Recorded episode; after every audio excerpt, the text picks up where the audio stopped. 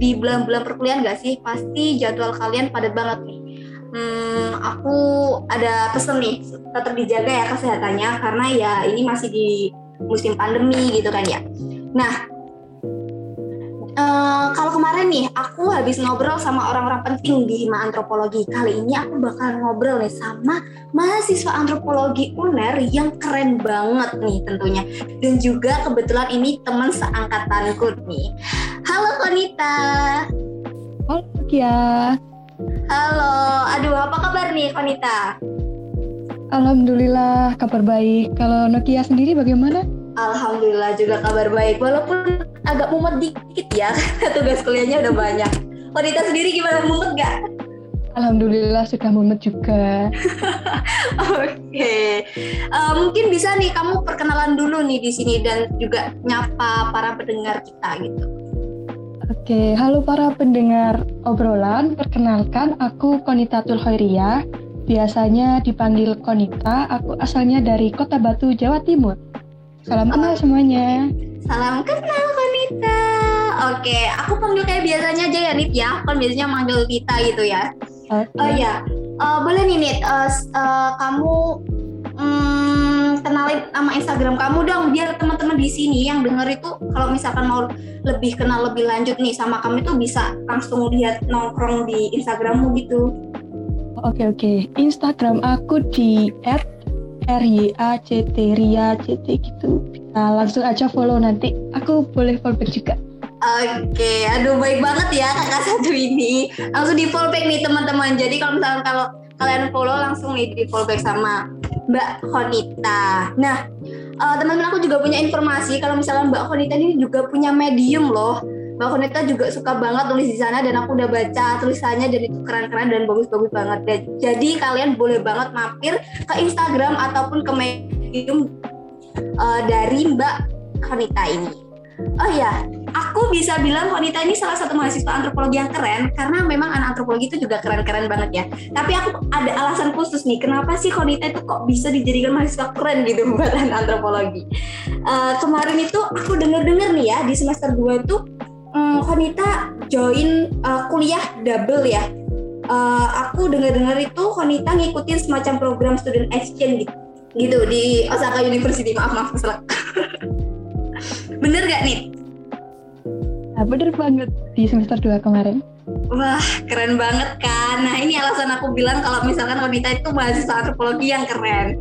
Aku mau tanya nih, karena aku bener-bener kepo banget kan ya. Kok bisa sih Konita itu uh, join gitu atau mempertimbangin buat ngambil program ini padahal kan kita sendiri tahu nih kalau misalkan kuliah di UNER itu juga padat banget gitu kan jadwalnya. Nah kenapa sih Konita itu kok bisa gitu kepikiran buat uh, mempertimbangkan untuk join program itu? Bisa nih di sharing-sharing buat para pendengar uh, buat para pendengar sekarang nih. Oke, jadi program seri kuliah yang diadain sama Osaka University ini mata kuliahnya menurutku bagus-bagus gitu, unik-unik, jarang yang ada di Indonesia uh, yang diadain kayak gitu. Nah, dan juga yang ngadain itu dari kampus top di Jepang kan, nah itu sayang banget kalau misalnya aku nggak ikut. Meskipun jadwal kuliah di UNER cukup padat, tapi aku sudah pikirkan jadwalnya matang-matang. Jadi sebelum ngambil seri kuliah itu, aku memang mempelajari betul-betul jadwal tiap pertemuannya sehingga nggak ada jadwal yang berentokan gitu, Nok. Jadi masih aman-aman aja. Oh gitu. Oh berarti emang kamu uh, minat untuk mempertimbangkan, oh aku harus ambil nih program studi exchange di uh, Osaka University karena memang matkulnya tuh keren-keren gitu ya dan menarik gitu buat kamu pelajarin. Iya. Oke, keren banget sih, keren banget. Tapi ngomong-ngomong nih ya, um, emangnya apa sih yang membuat kamu tuh tertarik selain tadi ya, selain alasan yang tadi kamu ucapin untuk ngikutin program Anniversary Lecture Series dari Osaka University? Oke, jadi hmm. alasan yang pertama itu memang uh, seri kuliah yang diselenggarain dua bulan ini cuma setahun sekali. Terus yang kedua program ini tuh gratis 100% alias nggak ada biaya sama sekali. Dan juga Wah. dapat sertifikat juga transkrip nilai yang setara dengan satu kredit. Nah, karena mata kuliah yang aku ambil masih selaras sama program studiku di UNAR, jadi kan sayang banget kalau nggak ikut tuh. Jadi aku ikut deh di program itu.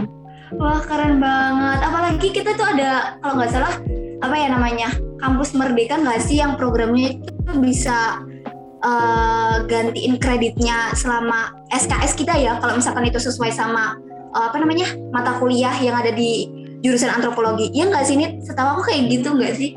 Oh, bener banget itu Nok.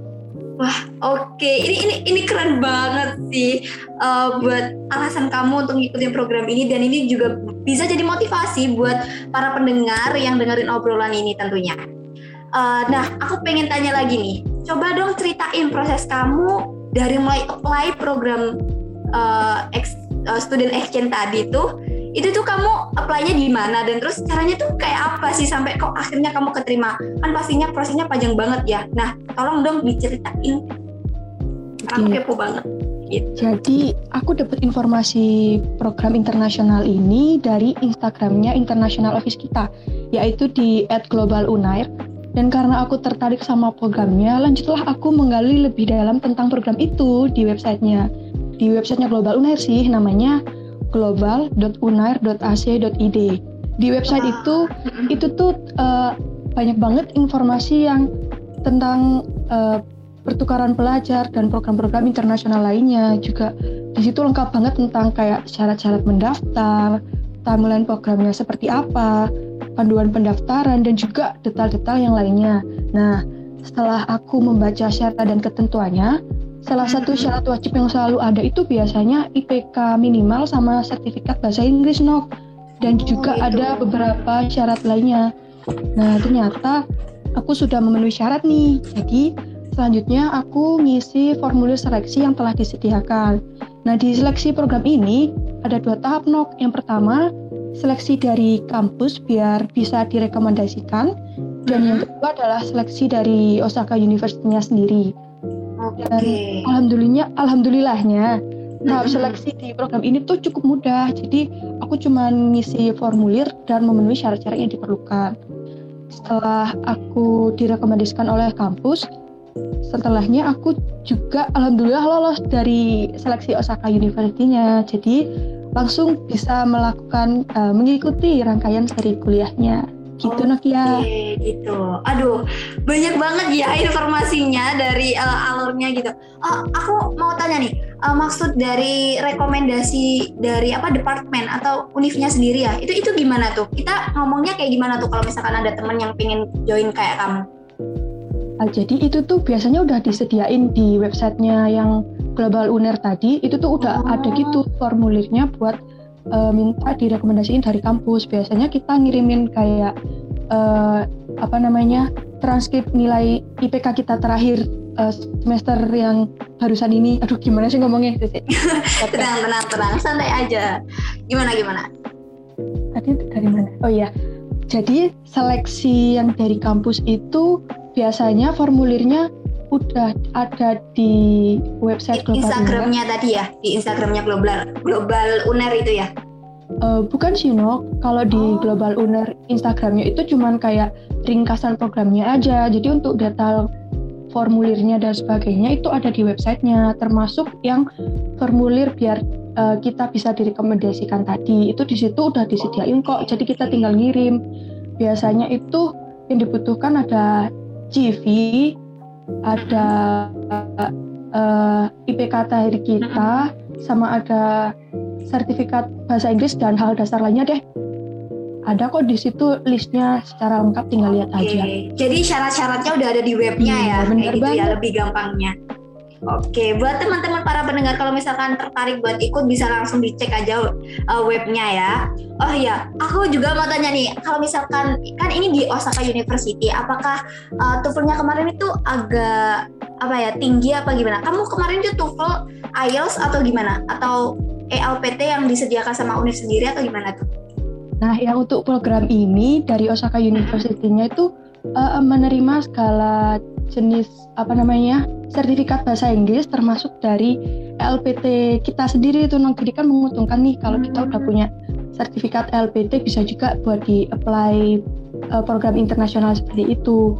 Untuk hmm. skornya sih ya pasti biasanya kan di atas rata-rata. Kalau misalnya TOEFL kan uh, biasanya 550 terus kalau LPT ya 500 ke atas dan sebagainya. Wah gitu-gitu. Oh berarti Kak Honina ini pinter bahasa Inggrisnya ini teman-teman. Karena udah kelihatan nih udah tahu oh, ancang-ancangnya dan bisa lolos juga nih di uh, program student exchange dari Osaka University sendiri. Walaupun uh, katanya Honita sendiri pernah sharing kalau misalkan di uh, apa di Osaka University itu kalau bisa itu ya bahasa Jepang tapi kalau uh, bisa juga bahasa bahasa Inggris gitu ya katanya atau gimana? Ah iya, jadi ada memang beberapa mata kuliah yang bisa diambil itu pakai bahasa Jepang, juga ada mata kuliah yang diambil pakai bahasa Inggris. Itu kita tinggal milih sih mau yang mana. Okay. Tapi kan juga harus mengingat uh, persyaratannya gimana. Kalau misal mau milih yang matkul Jepang, kita juga pu harus punya sertifikat uh, bahasa Jepangnya itu tadi gitu. Hmm, gitu gitu. Wah keren banget keren. Ini sangat informatif sekali gak sih buat teman-teman. Oh ya tadi sempat disinggung nih kalau misalkan program ini yang diikutin sama Konita itu gratis kan ya Nit ya. Jadi uh, menurut aku ini nggak ada alasan lagi nih buat teman-teman buat join yang namanya program student exchange gitu. Apalagi kalau misalnya ada program lagi dari Osaka University yang diadakan setiap tahun sekali ya kalau nggak salah. Ya benar. Oke, sebenarnya kalau dibaca-baca itu emang banyak sih program semacam itu yang gratis. Kalau kalian mau cari seperti Kak Honita sendiri atau Nita sendiri itu kan nyarinya mandiri gitu ya. Mungkin kalian juga kalau misalnya mau ngobrol-ngobrol lagi sama Kak Honita juga bisa kepoin Instagramnya yang disebutkan tadi. Atau kalian juga bisa nih kepoin Instagramnya Erlangga Global Engagement karena di situ juga banyak banget uh, apa namanya berita-berita seputar uh, program student exchange gitu yang gratis ataupun berbayar. Oh ya ngomong-ngomong soal kuliah nih biasanya kan ada tuh yang namanya uh, culture shock. Apa sih? Ya uh, culture shock. Nah kayak kita kemarin nih kan waktu kita jadi maba itu kan sempat pastinya kaget dong dengan metode pembelajaran yang beda, metode pembelajaran yang beda dengan tugas-tugasnya yang tiba-tiba kalau misalkan SMA itu copy paste aja lah di apa di Google gitu. Nah, sedangkan kita kalau sekarang ah kamu copy paste nilai kamu jelek dong kayak gitu kan ya pastinya. Nah, apa yang kamu rasain waktu ikut program student exchange di Osaka University itu gimana? Apa kamu ngerasain culture shock nggak? Atau gimana? Boleh nih di sharing-sharing buat teman-temannya. Kalau culture shock yang gimana-gimana itu sih enggak ya, karena kan udah pernah kuliah secara online juga. Cuman kagetnya itu pas di e-learningnya mereka, karena tulisannya Jepang semua. Mana okay. kecil juga gitu. Bingung ini jadi gimana gitu. Tapi untungnya sama pihak Osaka University-nya disediain tuh cara ngubah dari Jepang ke bahasa Inggris. Cuman meskipun udah ditranslate masih ada aja gitu yang pakai bahasa Jepang ini gimana gitu. Ya tulisan kanji gitu ya biasanya? Oh, oh bener. Harus translate manual lagi. Misalnya kayak uh, pemberitahuan perubahan sistem e-learning atau sebagainya gitu. Terus selain itu yang mungkin aku harus adaptasi adalah uh, penggunaan bahasa Inggris yang full ini kan uh, meskipun para dosennya lancar bahasa Inggrisnya, tapi kan ada aksen Jepangnya gitu. Jadi hmm, aku mesti kayak logatnya agak, gitu ya, Nik ya. Mm, mm, mm, jadi hmm. agak ekstra fokus biar paham apa yang dosennya jelaskan. Untuk selain itu sih masih aman-aman aja. Oh, aman-aman aja. Oh ya, ngomong-ngomong di apa program exchange-nya si apa namanya Nita ini daring ya teman-teman secara daring karena emang ya uh, keadaan sekarang nggak terlalu mendukung gitu ya buat ke Osaka ya langsung gitu buat ke Jepang. Oke, okay. kayaknya menurut aku juga wajar banget sih kalau misalkan ada ngerasain kesulitan di awal gitu dan uh, terutama bahasa ya apalagi aku sendiri jujur juga bahasaku mm, bahasa aku rada gitu juga nggak terlalu jago juga di bahasa Inggris oh ya uh, aku juga kemarin sempet ngobrol-ngobrol tuh ya sama Mbak Feli juga Mas Geleng tentang soal culture shock eh culture shock di per masa perkuliahan. Kayaknya emang wajar banget sih kalau itu terjadi di sama mahasiswa. Karena ya memang ada namanya masa peralihan atau masa adaptasi gitu. Nah, kita yang sama-sama orang Indonesia aja yang kadang beda apa ya namanya beda daerah. Kalau misalkan ngomong pun kadang harus apa ya bahasanya itu harus saling apa ya kan? Karena banyak daerah yang beda-beda gitu di Indonesia. Dan itu juga macam-macam gitu bahasanya. Ada yang pakai bahasa kadang pakai bahasa daerahnya yang asli ada yang bisa pakai bahasa Indonesia juga. Itu kadang juga ya bingung-bingung ya bingung gitu harus adaptasi lagi gitu. Karena kan ya kita ketahui kalau Indonesia juga beragam banget gitu kan ya budayanya. Oh ini lanjut nih. Aku mau tanya kan kamu udah ngerasa ini kuliah di sana kira-kira perbedaan yang signifikan di antara kuliah di sana sama di UNER tuh apa sih? Oke, jadi kalau kuliah di sana itu tepat waktu pakai banget. Sepertinya sudah On menjadi time hal banget yang, ya berarti Oh, ada molor-molornya. Oke. Sepertinya kan udah menjadi hal yang umum bahwa di Jepang itu semuanya biasanya serba tepat tepat waktu ya. Jadi misalnya jadwalnya pukul 16.00 jadi jadi tepat di waktu itu langsung dimulai. Jadinya Oh, gitu. aku jangan sampai nih aku uh, telat Ketinggalan gitu ya? kelasnya. Mm-mm, karena saking on time-nya. Terus uh, yang beda lagi nih selain itu ya, semisal ada perubahan jadwal kuliah ataupun perubahan apa pun itu, biasanya tuh diinfoinnya jauh-jauh hari banget gitu nok. Jadi kan cukup menguntungkan untukku yang kuliahnya double. Jadi Hmm. bisa ngatur-ngatur jadwal lagi tuh. Nah, Biasa Eh, oh bentar-bentar. Aku mau Iya. tanya nih. Biasanya kalau misalkan ngasih informasi gitu kalau eh, dari Osakanya sendiri ngirim lew- lewat apa? Email atau lewat e-learningnya mereka gitu? eh, dua-duanya nok. Jadi ada di e-learning, terus biasanya di email tuh sampai dikirim tiga kali gitu biar pesertanya inget gitu. Ah, benar-benar. Heeh. Oke, keren keren keren. Lanjut lanjut lanjut tadi. Oh iya, jadi meskipun kayak misalnya karena ada perubahan waktu itu, terus aku nggak bisa ikut kuliahnya, eh, pihak Osaka University itu juga menyediakan rekaman kuliahnya dan ditaruh di e-learning. Setelahnya jadi aku bisa ikut kuliah gitu nok, meskipun nggak secara langsung. Rekamannya juga bisa diulang-ulang. Enak kan kalau misal belum paham, mesti bisa Ah, diulang ah. semau aku gitu. Ya itu sih Hmm, bener, bedanya. bener, bener, bener. Oke, banyak banget ya ternyata perbedaannya bisa dihitung berapa tiga ya tadi ya. Eh, tiga perbedaan yang bisa kita lihat dan apa ya? eh, menurut aku nih cocok banget nih Rek buat kalian yang pengen punya pengalaman kuliah di kampus luar negeri kayak Konita itu. Karena ya gimana ya? Kalau aku milik aku mikirnya nih ya, kalau kita itu ikut program semacam itu, selain kita dapat ilmu, juga tentunya kita dapat yang namanya eh, relasi gitu kan ya. Nah, dan itu juga bagus gitu loh buat bangun prospek ke depannya. Nah, kamu sendiri udah ngerasain nggak yang namanya waktu ikut program ini tuh kamu langsung dapet temen atau relasi gitu dari berbagai negara teman-teman. Eh, aku boleh tanya nggak sebelum sebelum ini eh, banyak yang join program student exchange itu banyak dari negara mana aja tuh? Oke, jadi untuk yang program ini, kalau yang aku kemarin amati itu kebanyakan dari Asia sendiri sih. Misalnya dari Cina, terus ada dari Thailand, Filipina. Brunei, Singapura, Hong Kong, terus apa lagi ya? Ada dari Eropa satu satu orang kalau nggak salah. Dari Indonesia sendiri juga ada. Terus ada lagi deh dok banyak, tapi rata-rata Asia gitu. Oke, keren keren keren keren. Nah, kamu udah coba nggak maksudnya kayak komunikasi terus punya relasi sama teman-teman sana gitu? Nah kebetulan di tugas akhir itu mengharuskan uh, aku tugasnya kelompokan, jadi harus banget kan komunikasi sama mereka. Jadinya aku punya Hmm. temen baru tuh dari luar negeri kemarin. Wah, seru. Gimana gimana gimana? Temen baru aku dari Cina, Filipina, sama Brunei, sama dari Indonesia satu lagi dari UGM. Kita udah bikin grup chat juga, jadi kan asik juga gitu punya uh, teman-teman baru yang dari luar negeri. Seneng kan? Yes, oh, pastinya kalau aku di sana juga seneng dong walaupun aku juga eh, ngomong bahasa Inggrisnya agak gimana gitu ya tapi ya kalau misalnya punya temen dari luar negeri gitu pasti senang juga sih mereka juga anaknya gimana mak- maksudnya kayak ramah-ramah atau gimana gitu waktu diajak komunikasi juga enak nggak? Oh enak banget sih Nok ya kayak biasanya kita ngobrol aja ramah ramah-ramah gitu. Meskipun mereka itu usianya terpaut jauh dari aku, jadi ada yang semester akhir, ada yang semester Ah, pertengahan. iya. Itu tuh kalau tak amatin kayaknya aku paling muda sendiri pas itu. Jadi tapi nggak apa-apa sih mereka eh, enak-enak kalau diajak ngobrol. Wah keren nih paling muda sendiri ya.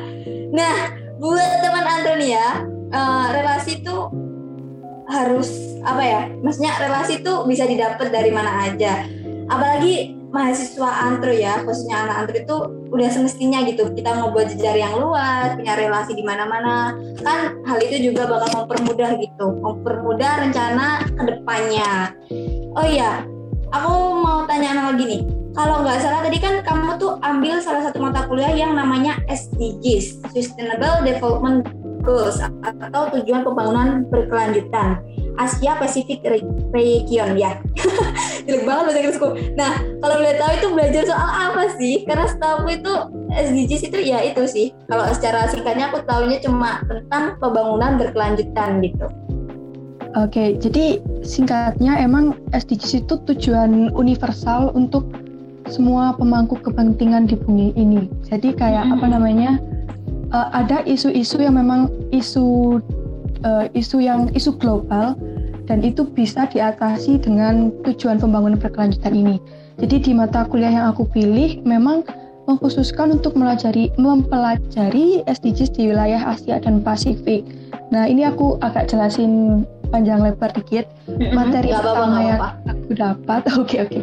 Materi pertama yang aku dapat itu tentang antroposin, yaitu membahas mengenai gimana sih aktivitas manusia itu bisa mempengaruhi bumi kita Nah, hmm. pernah tuh saat itu tuh dosen uh, dosen saat itu namanya Profesor Sumimura yang menyorot aktivitas penggundulan hutan kita yang di Kalimantan yang dijadikan kebun kelapa sawit eh kelapa sawit eh saya. nah, oke.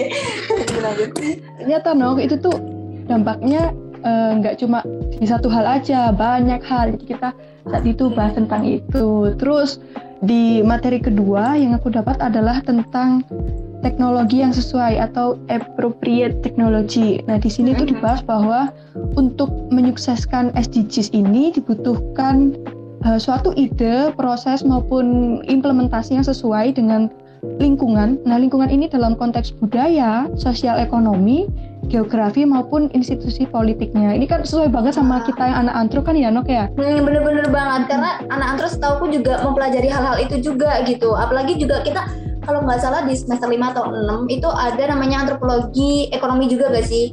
Jadi sebenarnya antropologi ekonomi juga luas banget gitu. Oke, lanjut nih. Oke, jadi selain dua materi itu, aku juga dapat materi tentang urban area sama permasalahannya. Okay. Nah, misalnya tuh di situ tuh hmm. pas itu dibahas gitu. Uh, di masa sekarang biasanya orang-orang yang terkena COVID itu 90% di urban area. Hmm, juga hmm, permasalahan tentang fasilitas-fasilitas publik karena fasilitas publik itu juga salah satu tujuan di SDGs gitu no dan oh, apa lagi ya uh, urban area itu uh, terkenal dengan masalah polusi dan dampaknya pada kesehatan manusia dan sebagainya. Juga hmm. dibahas, dibahas tentang sistem transportasi yang berkelanjutan itu kayak gimana. Terus materi yang terakhir nih, aku dapat tentang uh, kerjasama regional, yaitu uh, membahas isu-isu lintas batas dan ketahanan pangan. Dan masih banyak okay. beberapa materi yang lainnya sih sebenarnya. Aduh, keren-keren banget. Aduh. Tapi setelah aku dengerin dari wanita ini, aku kayak ngerasa, oh ternyata banyak banget ya yang dibahas dan itu menarik-menarik banget gitu loh. Dan oh ya, aku mau tanya, uh, sebelum lanjut lagi aku mau tanya kamu uh, program student exchange-nya itu berapa bulan sih? Ini Satu. dua bulan. Sekitar dua bulan ya? Iya, jadi ada ada delapan pertemuan yang secara langsung yang lewat Zoom itu sama hmm? dua pertemuan lagi yang langsung dikasih video gitu di e-learningnya. Jadi totalnya ada sekitar berapa tadi? 10 ya? Iya. 10, 10 pertemuan ya wah keren banget ya. 10 pertemuan dapat ilmunya pasti ternyata banyak banget ya. Dan kalau dilihat dari materi yang diberikan itu wah benar-benar menarik banget. Aku langsung kebuka wah oh ternyata perlu uh, SDGs itu banyak banget gitu loh yang dipelajarin. Bukan tentang apa ya ya benar tentang pembangunan berkelanjutan tapi di dalamnya itu banyak banget gitu loh. Materi yang emang wajib untuk diketahui sama anak-anak zaman sekarang tentunya ya apalagi ini ilmu juga cocok banget tuh sama ilmu antropologi. Ya secara kalau misalnya kita ber, berbicara mengenai pembangunan berkelanjutan kan ya di dalamnya pasti termasuk pembangunan manusia. Guna untuk mengatasi kemiskinan atau mengurangi kesenjangan sosial terus bisa juga untuk melindungi lingkungan. Nah pendekatan antropologi juga cocok banget buat menyukseskan program SDGs ini. Jadi perlu banget buat mahasiswa antropologi untuk mendalami yang namanya materi SDGs ini begitu. Nah, aku juga sempat nih baca lagi tentang SD, SDGs. Ada beberapa poin penting. Salah satunya hmm, uh, aku sebutin empat ya mungkin ya. Yang pertama menghapuskan kemiskinan, kedua mengakhiri kelaparan, ketiga kesehatan yang baik dan kesejahteraan dan keempat pendidikan yang bermutu. Sebenarnya poin dari goals SDGs di Indonesia sendiri itu ada 17 tapi aku sebutin empat tadi. Nah, kalau menurut kamu nih dari ke-17 poin yang uh, berdasarkan materi yang kamu dapat ya, kan tadi itu banyak banget gitu. Uh, dari perkuliahan Osaka University. Nah, sekiranya nih poin yang menurut kamu paling argen urgent deng. Sorry sorry sorry. Paling urgent sorry ya Nit. Emang bahasa Inggris itu jelek banget. Gak apa-apa gak apa-apa. Aduh sorry banget. Paling urgent uh, itu tuh yang mana gitu? Ya walaupun aku tahu semua poin itu penting dan saling berkesinambungan. Tapi yang menurut kamu itu poin perlu banget nih untuk tercapai di Indonesia biar Indonesia itu maju gitu. Jadi nah, negara okay. yang lebih baik lagi gitu Bener sih kata kamu tadi bahwa tiap poin itu saling berkesinambungan itu bener banget memang karena tiap poin nggak bisa dipisahin uh, satu sama lain. Nah kalau menurutku pribadi, pribadi yang terpenting itu ada di poin nomor 2, 3, sama 6. Jadi poin nomor 2 itu mengakhiri kelaparan, mm-hmm. nomor 3 itu kesehatan yang baik dan kesejahteraan, mm-hmm. dan nomor 6 itu akses air bersih dan sanitasi. Lah kenapa? Karena menurutku tiga poin yang telah aku sebutkan tadi adalah hal paling dasar yang harus dimiliki oleh setiap manusia kan. Nah, juga dapat kita ketahui bersama bahwa dari tiga poin itu di Indonesia pun belum sepenuhnya terpenuhi. Apalagi sekarang lagi pandemi kayak gini nih bener banget, agaknya uh, malah makin menghambat tujuan di SDGs ini. Jadi setidaknya masyarakat di Indonesia nih bisa sehat terlebih dahulu gitu no bener bener kalau kita misalkan udah sehat kan pasti uh, apa ya yang ke depannya itu bisa dilakuin gitu ya. Mm-hmm. Kalau misalnya kita nggak sehat terus kita mau ngelakuin apa selanjutnya kan nggak bisa gitu. Jadi perlu banget sih menurut aku. Tapi menurut aku sendiri kalau misalkan tadi uh, Konita uh, nyebutin poin-poin yang sangat dasar banget dibutuhin oleh manusia, sedangkan aku lebih memilih ke poin 4. Menurut aku pendidikan yang bermutu karena tapi menurut aku bukan pendidikan yang bermutu aja sih. Yang lebih dasarnya lagi tuh pendidikan yang bisa dirasakan oleh seluruh warga masyarakat Indonesia. Karena apa ya banyak sekali kalau kita ngelihat di desa-desa ataupun di tempat suburban gitu juga banyak banget anak-anak yang masih belum sekolah atau nggak bisa melanjutkan sekolah. Padahal kalau kita ketahui pendidikan itu sangat perlu ya. Pendidikan yang bermutu itu juga sangat-sangat diperlukan. Apalagi sekarang itu kalau kita lihat dari lapangan pekerjaan yang disediakan itu sangat kayak apa ya berbanding terbalik gitu dengan jumlah uh, yang pekerja uh, yang pendaftar pekerja apa sih pelamar kerjaan gitu kan ya. Jadi di situ makanya uh, perlu banget yang namanya mendapatkan pendidikan bermutu agar bisa bersaing nih sama uh, pekerja dari luar negeri maupun dari dalam negeri gitu menurut aku. Nah, program pembangunan berkelanjutan ini juga emang erat banget sama ilmu antropologi karena kalau misalnya kita ngomongin hal-hal persoalan kesehatan, pendidikan, kesetaraan gender, komunitas, menjaga ekosistem darat atau laut itu emang salah satu uh, yang diangkat gitu dalam ilmu antropologi. Dan biasanya tuh ginian itu sering didiskusikan gak sih waktu masa perkuliahan itu? Iya sih, bener banget karena uh. itu semua kan apa namanya uh, ada ada semuanya gitu di ilmu antropologi. Kita kan mempelajari semuanya juga kan. Benar bisa dibilang ilmu antropologi rada kemaru ya? Tapi nggak apa-apa. Kita dapat banyak gitu ya ilmunya. Benar jadi buat teman-teman antropologi jangan yang namanya ada rasa kecewa gitu. Ah aku masuk antropologi padahal kalian nggak tahu setelah kalian mendalami antropologi kalian bakal suka banget karena bakal belajar banyak hal yang belum kalian pelajari sebelum masuk di uh, apa jurusan antropologi seperti itu.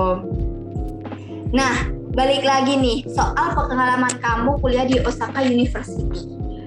berdasar penga, berdasarkan pelang, peng, berdasarkan penga, pengalaman kamu tuh ya sekiranya ada nggak sih beberapa hal yang bisa diadaptasikan gitu di UNER kayak oh ini tuh harus diterapkan di UNER kayak gitu oke okay. ada sih no jadi ada beberapa okay. hal kalau menurutku ya hal yang bisa diterapkan di UNER itu yang pertama adalah kegiatan belajar mengajar yang tepat waktu. Nah kan okay. kadang ada yang aja gitu. Tadi ya. Hmm. Ada aja kan yang uh, telatnya lama gitu. Terus juga yang paling aku suka sih yang rekaman kuliah tadi itu menurutku menguntungkan banget buat kita yang uh, apa namanya belum paham ataupun pas nyatet itu masih ada kurangnya atau gimana itu kan bisa ditonton berkali-kali itu menurutku menguntungkan banget sih jadi bisa dicontoh sama Unair Terus selain itu ada itu pemberitahuan atau pengumuman yang jauh-jauh hari yang nggak mendadak. Nah itu kan itu diterapin di UNER. Kadang ada aja gitu yang UNER serba mendadak. Gitu. Iya kadang tiba-tiba hmm. bisa hebat UNER kemarin.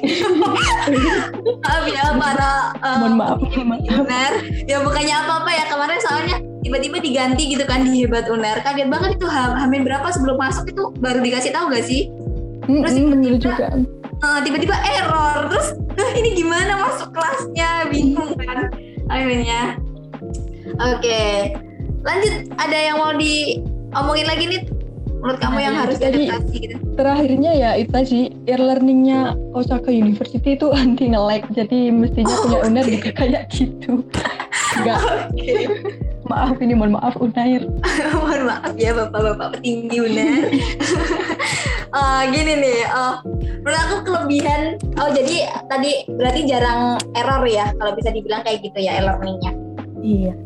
Oke jadi menurut aku sih ya kelebihan dan kekurangan setiap kampus itu pasti ada gitu tapi terpenting yang penting itu kita berusaha sedikit demi sedikit untuk memperbaiki apa ya rancangannya biar lebih baik lagi gitu dan mungkin untuk para eh, orang-orang penting UNER yang mendengarkan obrolan dari Hima Antropologi ini bisa nih jadi bahan masukan ya dari Konita tadi yang disebutkan kalau misalkan maksudnya lebih on time. Tapi menurut aku juga nih ya, uh, di di UNER itu sebenarnya udah pada on time sih. Cuma kadang dosennya tuh baik banget gitu loh. Nunggu anak-anak yang oh mungkin ditunggu lima menit lagi ya karena masih anak-anaknya masih belum join gitu. Sebenarnya mahasiswanya juga harus di apa ya? Hmm, dikasih on time-nya gitu ya mm -mm, dikasih bener, bener, bener. pengetahuan buat kalau misalnya heh kamu itu harus on time kayak gitu kasihan dosennya juga kan masa masa iya dosennya nungguin mahasiswanya gitu kan ya iya bener oh. banget sih oke nah terakhir nih uh, mungkin kamu ada pesen nggak buat teman-teman yang mau ngikutin jejak kamu nih buat nyobain pengalaman kuliah di kampus lain gitu. ada ada jadi Pesan dari aku sih gini, selalu coba aja join program internasional seperti ini. Banyak kok program yang gratis juga bagus dan juga bisa di-apply oleh mahasiswa antropologi seperti kita.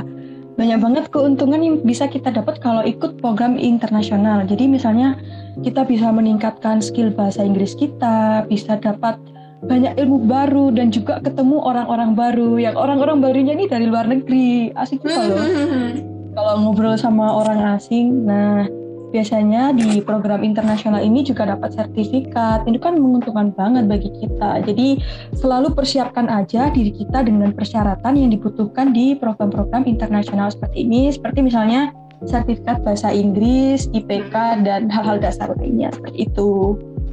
Aduh, bener banget tuh Konita. Pokoknya yang dibilang tadi, semua jurusan itu sama aja kok. Mau itu komunikasi, politik, hukum, HI, mungkin FEB juga, eh, ekonomi, ataupun antropologi itu nggak nggak ada apa ya? Uh, pokoknya sama lah gitu ya. Nggak ada yang namanya perbedaan. Semuanya itu ada peluang gitu. Tinggal kita tuh mau nyari nggak sih gitu. Nyari ada program nggak sih atau gini kan sih pokoknya kalian yang apa ya uh, yang gercep-gercep gitu nyari-nyari info informasi dan dimanfaatin sebaik mungkin gitu oh ya contohnya tuh Konita tadi bisa punya pengalaman kuliah ya di Osaka University dan juga punya relasi tuh teman-teman luar negeri yang bisa diajak sharing-sharing atau juga bisa diajak gitu buat praktis ngomong bahasa Inggrisnya buat lebih baik lagi ya Nit ya. Bener banget. Oke, dan aku rasa juga nih di uh, antropologi ini kakak-kakak dan mas-masnya juga banyak gak sih yang ikut program kayak gini nih? Iya banyak kok, jadi nggak cuma aku saja, jadi ada banyak sih memang, jadi emang orang antro tuh bisa banget join yang kayak gini. Mm-mm. Nah, jadi jangan minder ya teman-teman. Pokoknya Andro itu hebat banget, keren banget kalau kalian emang mau atau berusaha untuk lebih baik lagi seperti itu. Ah ya, hmm, ke depannya menurut aku kalian harus stay tune tetap di obrolan karena mungkin ada cerita atau pengalaman semacam ini akan diceritakan atau disaring-saringkan lagi di obrolan. Oke deh Nonita, makasih banget udah mau main-main ke sini dan udah mau sharing-sharing di sini padahal nggak aku kasih duit. ya kalau nggak ada ya. duitnya aku tahu gitu nggak mau ke sini no. Lu jangan gitu dong. Makasih banyak ya. Oh ya. Nah. Uh, penting banget bantu teman-teman uh, untuk stay tune dengerin obrolan karena di sini kita bakal sharing-sharing pengalaman dari mahasiswa antropologi UNER. Dan juga Sekian dulu ya untuk episode kali ini. Untuk informasi selanjutnya atau untuk informasi episode terbaru bisa dilihat di Instagram Hima Antropologi Uner di @antropologiuner. Aku dan Khonita pamit dulu ya. Sampai jumpa di episode selanjutnya. Dadah. Dadah, bye bye.